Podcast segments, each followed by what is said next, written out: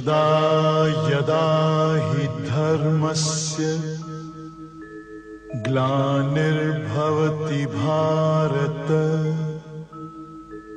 अभ्युत्थानम् अधर्मस्य तदात्मानं सृजाम्यहम् परित्राणाय साधूनाम् विनाशाय च दुष्कृता धर्म संस्थापनार्थाय संभवामि युगे युगे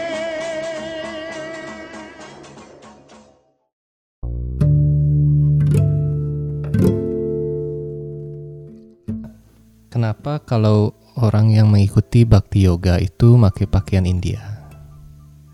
Nah itu masalah pakaian itu sebenarnya di Bhakti Yoga ini ataupun di penjelasan sila perupat khususnya ya tidak ada beliau mengatakan wajib pakai pakaian India. Kamu harus pakai pakaian India seperti ini tidak ada begitu.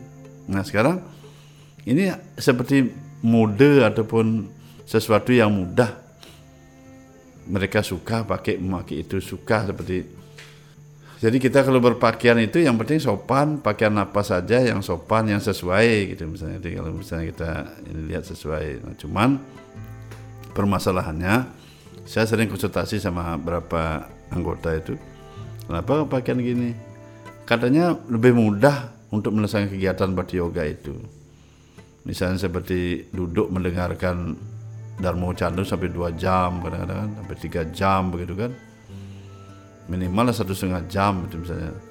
Itu kalau duduknya dengan pakaian seperti itu katanya lebih gampang dia bisa bersila ditutupi semuanya. Ini sedang pakaian-pakaian India kan juga Indianya yang tidak seperti Bollywood.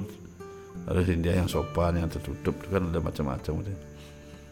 kalau misalnya kelihatan pusar begitu kan kita sering larang boleh kan. Kan bisa tertutup semua badannya itu Ya, katanya kalau duduk itu lebih gampang, tidak kesemutan. Begitu. Jadi dengan demikian dengan pakaian itu lebih rileks dari mereka. Tapi kita kan tidak pernah dari sila perupat khususnya hmm, tidak pernah membuat peraturan harus pakaian tradisi di India gitu. Ya. Kadang-kadang ada yang mengatakan ini bukan tradisi India tapi tradisi Weda dari zaman dulu juga sudah memakai ini tapi bukan India eh, bukan budaya India. India pun hmm, banyak anaknya nanti variasi. Tapi mereka menggunakan ini sebagai tradisi Weda. Namun itu pun tidak berupa tidak pernah menekankan memaksa. Coba cari penjelasan beliau ada kira-kira? Mungkin saya tidak pernah. Ada yang saya tidak lewat mungkin baca. Setahu saya saya baca sudah banyak buku beliau. Tak ada satupun dia mengatakan mengatur masalah pakaian. Jadi eh, boleh pakaian mana saja itu. Kita yang penting sopan bagus nggak apa-apa kelihatan sesuai lah nyambung begitu. Nah kalau kita di Bali kan ada pakai pakaian yang sudah cocok sesuai ya sesuaikan pakai. Memang kadang-kadang kalau masalah pakaian kan memang agak ini ya dalam artian khusus untuk masalah keagamaan itu orang betul perhatian begitu. Padahal banyak orang juga yang berpakaian yang tidak sesuai kan lah di umum. Tapi ya secara umum orang umum dianggap diabaikan ya sudah begitu. Tapi penting juga kita harus memahami hal ini jadi khususnya kita kalau kita sekarang ini di Indonesia kan sudah saya lihat sudah berpakaian yang normal. Dia maksud saya berpakaian seperti kalau dulu kan kita tegaskan kalau memang pakai pakaian begitu eh, khusus untuk di asram saja, jangan mana-mana. Kalau kalau ke pura atau di umum ke mana pakai aja pakaian yang biasa begitu. Seperti umum biasa, kalau ke pura ya otomatis sudah pakaian tradisi di Bali kan itu. Namun eh, akhirnya mereka pun karena sering saya menyampaikan ini biar tidak repot ya tetap pakaian Bali semua. Jadi praktis karena ketika mereka pakai pakaian Bali pulang dari dari asram mereka bisa ke, ke kadang-kadang ke supermarket atau ke mana ke pasar ke mana atau jalan ke mana pakai Bali kan masalah nggak apa-apa itu. Nah biasanya saya setelah saya kasih peraturan dulu begitu mereka sudah mengerti memahami praktisnya gitu dengan pakaian Bali pun masih bisa dipakai untuk walaupun duduk tadi dalam waktu yang cukup lama kan itu sampai satu setengah jam dua jam. Jadi saya katakan aturlah bagaimana caranya supaya bisa duduk. Ternyata bisa juga. Jadi sudah lama nih dipraktikkan kan begitu. Apalagi kalau ada acara misalnya keluar begitu kan pasti pakaian Bali itu lebih lebih ini kan artinya untuk kita di Bali kan nyambung lah begitu. Jadi tidak ada wajib pakaian harus pakaian India begitu nggak ada begitu. Kalau tuh orang make itu karena senang-senang saja sih mereka. Kalau tidak pakai juga nggak salah itu, bahkan bukan suatu hal yang mutlak itu nanti. Ajarannya baru mutlak nanti, keyakinannya baru mutlak nih Tuhan yang mutlak. Jadi demikian, jadi itu tidak ada mewajibkan. Eh, mengapa banyak yang melakukan kegiatan bakti yoga ini di jalan atau di pantai, kemudian ada yang menari, ada yang menyanyi dan sebagainya, Guru Pandita? Ya, yang sering kita lihat itu ya, Iya, padahal kan eh, di podcast sebelumnya Guru menyampaikan ini eh, seharusnya dilakukan di tempat-tempat khusus atau yang sudah diperuntukkan begitu, misalnya di asram demikian. Iya, iya. Nah, jadi perlu saya jelaskan pertama begini. Khususnya kita di ISKO Indonesia yang berpusat di Kisah Belaram Asram dan Pasar ini, di mana pun cabang-cabang kita, hmm, kita sudah tegaskan bahwa mereka tidak ada yang melakukan kegiatan seperti itu di luar. So di asram saja. Kita ada acara tahunan sekali setahun, itu pun berpakaian adat tradisi di Bali. Dan ada. Dan saya sudah tegas dari zaman dulu itu sudah mengatakan demikian. Jadi anggota kita sering pantau tidak ada melakukan kegiatan. Cuman sekarang mengapa pertanyaan kan mengapa mereka lakukan di luar gitu. Jadi eh, tadi pertama saya sampaikan bahwa kita tegaskan di sini kita belum melakukan itu dan tidak terpikir untuk melakukan seperti itu. Kita sudah cukup di asram saja. Memang tegas kita dari awal didirikan organisasi seperti itu. Nah sekarang mengapa mereka melakukan seperti itu? Salahkah mereka atau bagaimana itu?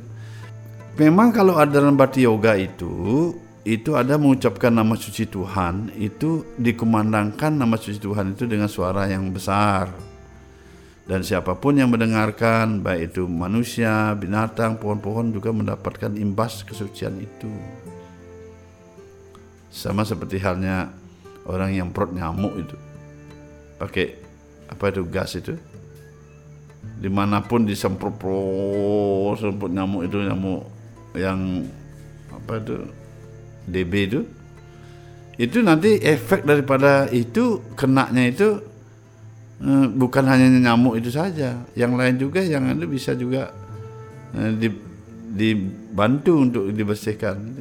Sama seperti kita ini, ini semprot-semprot pakai sekarang ini pakai sanitizer nih ya kan?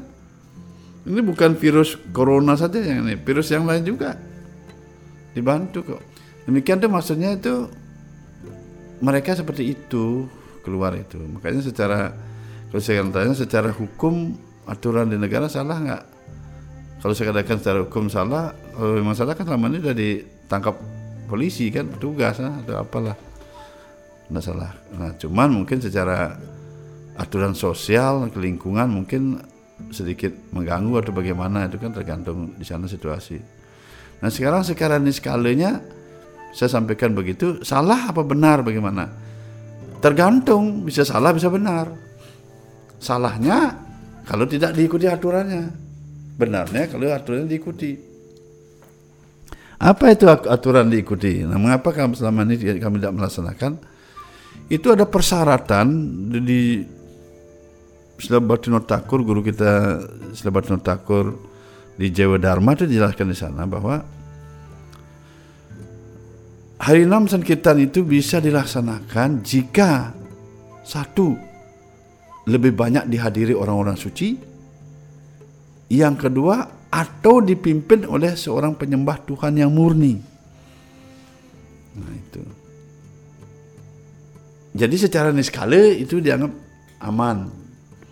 Jika dua syarat tidak dipenuhi, secara niskala berarti ada masalah, ada perlu dikaji ulang lagi. Begitu. Itu secara niskala dulu ya. Nah sekarang secara skala ini tadi ya dari aturan pemerintah mungkin tidak salah, tapi dari lingkungan, keadaan, situasi mungkin terganggu mereka sedang bagaimana itu merasa terganggu kan bisa saja. Nah, tergantung di sana gitu. Jadi demikian. Gitu. Sekarang kita sebagai apa orang yang sudah menekuni ajaran kita kan paham siapa penyembah murni, bagaimana penyembah murni, orang suci kan udah paham. Makanya kita kasih PR sekarang, apakah dalam kegiatan itu sudah penyembah murni yang memimpin? Apakah sudah kebanyakan orang suci? Kan gitu dulu. Kita tidak boleh menyalahkan juga, saya juga tidak bisa, bisa bisa menyalahkan mereka. Tapi pertanyaan itu saya lontarkan untuk diri saya sendiri, untuk kita. Mereka terserahlah mereka bagaimana mengartikan. Ya itu. Demikian. Jadi karena itu pun harus paham tentang bagaimana masuk sudah perupat dari dulu hmm, bagaimana mengajaknya semua. Jadi jadi apa penjelasan dari seorang acarya itu supaya kita tidak berspekulasi kan itu. Supaya kita mendapat ajarannya apa penjelasan yang tepat juga yang sesuai. Inilah risikonya kadang-kadang kalau memang banyak orang pasti ada aja sesuatu yang yang bagaimana namanya banyak orang itu ya. Kesalahan-kesalahan yang fatal yang bahkan yang tidak sesuai dengan aturan anu juga bisa terjadi kan itu ya. Moral misalnya begitu namanya banyak orang. Tentu ajaran ini maksudnya organisasi ataupun samperdaya ini tidak mengajarkan hal-hal yang salah dan negatif hanya khusus khusus untuk rohani begitu. Kalau misalnya ada sesuatu yang salah itu oknum berarti ini. Sekarang kita bicara tentang oknum berarti. Kalau dianggap salah itu oknumnya. Kayak itulah yang harus disalahkan. Tidak semua kena begitu. Apalagi kita di organisasi Indonesia di mana organisasi kita juga hmm, ada anggota-anggota yang cukup lumayan kan. Mereka tidak ada berbuat seperti itu. Terus disalahkan kan bagaimana? Jadi karena itu saya berharap kepada siapa pun eh, untuk memantau hal ini supaya tidak semua dihantam semua. Jadinya siapa yang memang berurusan seperti itu biar mereka saja yang di diberikan apa masukan tapi saya garis bawahi lagi sekiranya diberikan himbauan dengan cara yang uh, santun yang apa diajak duduk bersama semua orang-orang spiritual itu orang-orang yang hatinya ya secara umum lah hatinya lunak begitu baik pasti mereka mau diajak apa untuk dikasih nasihat begitu nasihatnya sudah dikasih peringatan nasihat juga sudah ada duduk bersama juga nak mau nah ini lain masalah lagi bandel ya silahkan bagaimana kan aturannya untuk mereka gitu. Nah itu saya sampaikan. Dan um, bagaimana dengan bagaimana dengan Rata Yatra Guru Pandita? Bagaimana selama ini uh, di ISKON Indonesia menjalankan Rata Yatra? Begini ya, kalau kita bilang tadi kita tidak pernah keluar, uh, kita jelaskan bahwa di ISKON Indonesia khususnya yang berpusat di Kisah Asram ini itu rata yatra itu hanya dilaksanakan setahun sekali pada hari hanya hari apa pun kenanya hari hanya yang bersamaan dengan rata yatra di pusatnya di Jagannath Puri di India. Dan tidak pernah mengambil hari yang lain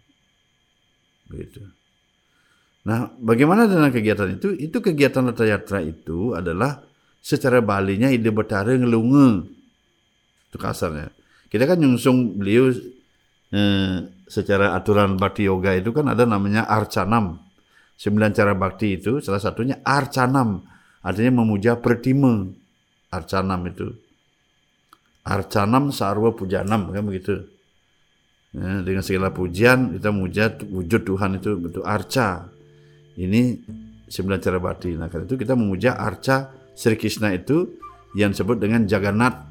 Ada cerita sejarah kan sudah di Hindu Time saya lihat sudah di tayangkan tentang Jagannath itu kan gimana sejarahnya kemunculan arca Sri Krishna yang bernama Jagannath yang didamping oleh saudara beliau Sri Balaram atau Baladewa dan Subadra kan gitu. Itu dipuja arca itu sampai sekarang di Jagannath Puri, Orissa, India. Dan dilindungi pemerintah setiap tahun arca itu akan ngelunge beliau. Cara itu ide betara ngelunge. Pernah nggak kita lihat di desa-desa itu bahasanya kalau di Betara yang lunga itu terdon di Betara pasti ada orang nunggu di pinggir jalan ada bawa minuman bawa apa itu pernah lihat beliau ngelunga itu kan ada buat minuman ada nyambut kan ada yang ngasih persembahannya ada yang kan itu mirip lah seperti itu itu teater seperti itu ngelunga. Maksudnya apa tujuan beliau ngelunga? Nah beliau ngeliat-liat semua ala, ala lingkungan begitu. Dikatakan yang mana pada satu siapa pun yang eh, tempat itu dilewati atau siapa yang melihat arak-arakan seperti itu dia akan mendapat penyucian. Bahkan binatang pun mendapat penyucian. Nah keselamatan kita mohonlah berdoa. Semoga di Bali ini dengan beliau itu ngelunga setiap tahun memang pada hari hanya itu kita eh, beliau ngelunga itu semoga di Bali ini di- tet- tetap dilindungi kan gitu.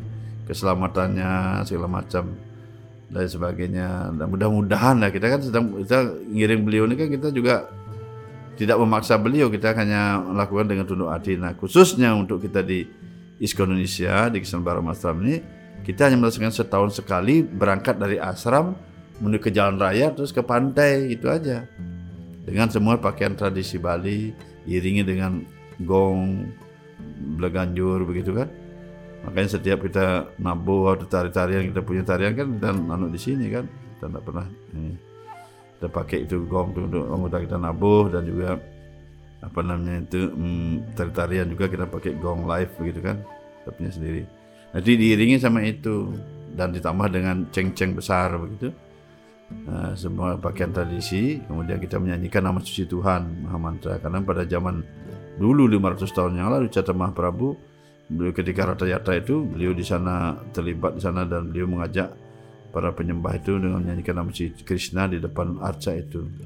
Memuji si Jagannath itu kan si Krishna sendiri. Beliau Jagannatha Jagannatha kalau dibalikan Jagannatha itu. Puri Jagannatha kan ada. Jagannatha itu itu penguasa alam semesta. Nah beliau lah si Krishna sendiri sama dengan di Bali ada disebut dengan para mesti guru kan? Pagar besi itu kan? Itu para mesti guru itu nama Sri Krishna sendiri yang dijelaskan dalam Gopal Sastra nama. Salah satu nama Sri Krishna namanya para mesti yang artinya supreme master penguasa tertinggi. Sama dengan Jagat Nata itu nama Sri Krishna sendiri. Nah, itu si Jagannath. Nah karena arcanya kita ada di sini si Jagannath itu karena itu saya himbau kepada umat Hindu khususnya itu kan pujaan Hindu itu. Orang India kan Hindunya yang asli mereka di sana kan. Sumbernya maksudnya kan masalah apa nanti yang menghina dia kasihan. Sama dengan kita di Bali di Betara Ngedunga. Kadang-kadang kan ada barong ada itu kan. Itu nggak boleh dihina kan kita temukan sering kita kadang-kadang ketemu lewat kita tangan ya kita kita apa namanya tunduk kita kan kadang-kadang kita beliau lewat saya stop mobil dulu kan dan sambil nyakupin tangan di di Betara dalam pujian seperti itu ya orang yang nggak ngerti kadang menghina itu kan salah kasihan. Kenapa kok gitu kan? Ini kan juga beliau ini kalau dihina nanti kasihan kita umat Hindu ini terjadi sesuatu kesalahan. Nah tentu Tuhan akan mengampuni maafkan dan kita pun berdoa supaya dimaafkan semua kan itu yang di Betara ledang kayun eh, tedun lunga kan itu. Mudah-mudahan kita bisa laksanakan terus untuk ngelunga ini kan ini seperti ngelunga saja. Begitu beliau lewat jalan makanya disuguhin nanti di tempat kita stop ada ada kasih persembahan itu seperti itulah kita lihat yang di Bali itu kan sembahan nanti stop di pantai dan itu bentar habis pantai habis persembahan dan kita membawa persembahan pada Dewa Baruna. Selesai dah. Eh, balik dah kita lagi ke asrama itu aja. Kita ISKO Indonesia Senbaram enggak pernah buat di tempat lain acaranya gabung di mana begitu kita enggak pernah ikut-ikut begitu.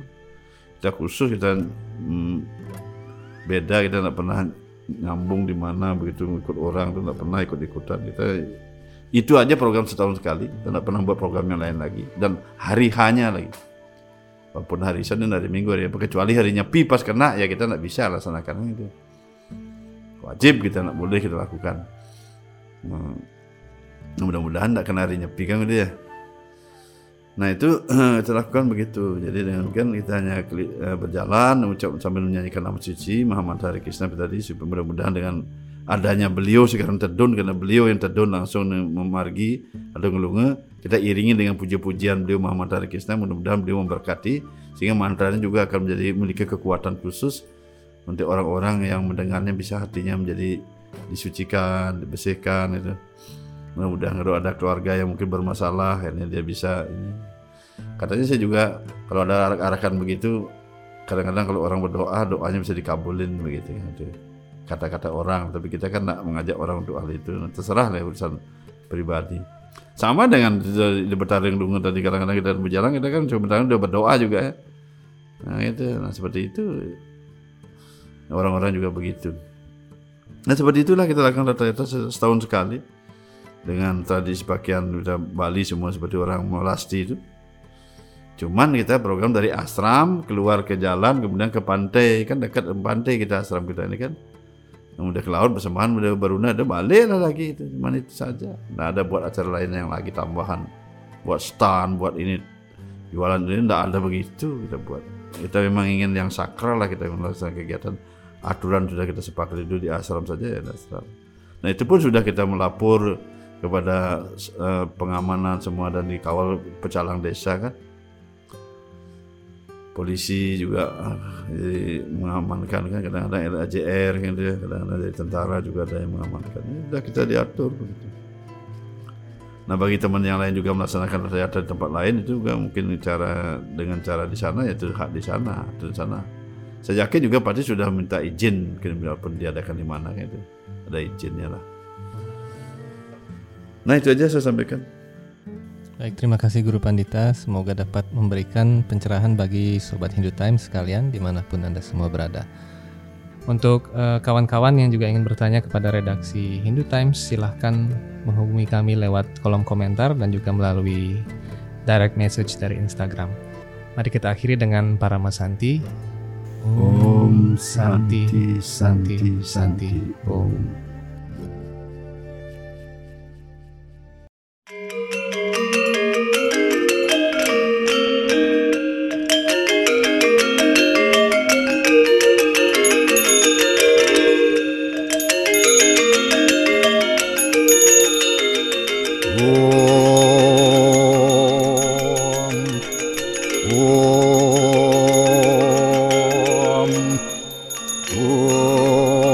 tambur buak suah Kat sawitur warianim Borgul